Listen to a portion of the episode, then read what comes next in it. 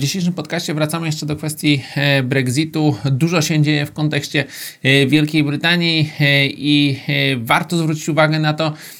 że funt zyskuje na wartości. Dlaczego on zyskuje na wartości? To na pierwszy rzut oka wydaje się wbrew intuicji, skoro e, coraz więcej problemów piętrzy się nad e, gabinetem premier Teresy May, coraz bliżej jesteśmy również do kluczowej daty 29 marca. Jeżeli nie będzie porozumienia do tego momentu, to Wielka Brytania opuści Unię Europejską w sposób chaotyczny, co oczywiście wywołałoby znaczną przecenę e, brytyjskiej waluty. Natomiast e, wydaje się, że jednak to nie nastąpi. Dlaczego? Dlatego, że po drodze jest bardzo, bardzo dużo e, różnych innych rozwiązań, które gdzieś tu i ówdzie przebrzmiewają nawet z,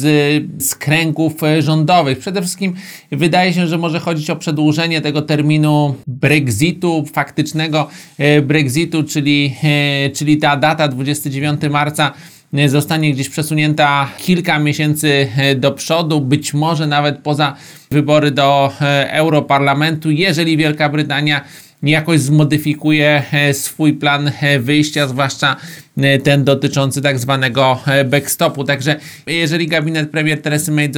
dostanie kilka dodatkowych miesięcy, to najprawdopodobniej w te kilka dodatkowych miesięcy zobaczymy jakieś złagodzenie kwestii związanych z Brexitem, bliższe relacje z Unią, zwłaszcza, że w tą stronę dąży większość parlamentarna i w tą stronę również dążą, czy, czy kształtują się, czy czy są widoczne e, nastroje e, społeczne. Natomiast gdyby się nie udało nawet w tych kolejnych kilku miesiącach e, przeprowadzić nowej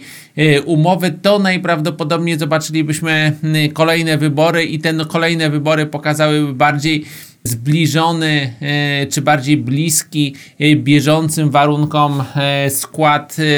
brytyjskiej Izby Gmin, co oznaczałoby, że Brexit albo by był rzeczywiście bardzo łagodny, uporządkowany, albo, albo w ogóle by nie było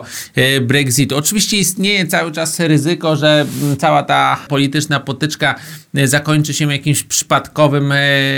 czy krótkotrwałym na przykład zagrożeniem związanym z chaotycznym Brexitem, brak porozumienia wewnątrz partii, partii premier Teresy May poważne problemy z przegłosowaniem jakiegokolwiek planu, przedterminowe e, wybory, e, trudności w komunikacji z Brukselą, to mogłoby rzeczywiście doprowadzić do takiego zwiększonego ryzyka tym twardym, chaotycznym e, Brexitem, ale ponieważ żadna ze stron e, tego nie chce, większość parlamentarna tego nie chce, Unia tego e, nie chce, większość torysów także tego nie chce, oczywiście opozycja także nie jest zadowolona z takiego przebiegu sytuacji, więc wydaje się, że ta gra polityczna raczej, raczej nie zakończy się tym twardym Brexitem i stąd rynek właśnie ocenia, że to prawdopodobieństwo chaotycznego opuszczenia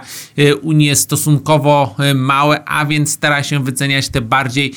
pozytywne scenariusze. Jeżeli te pozytywne scenariusze będą coraz bardziej prawdopodobne, to będziemy mieli do czynienia nawet, wydaje się, ze gwałtownym wzmocnieniem Sterlinga.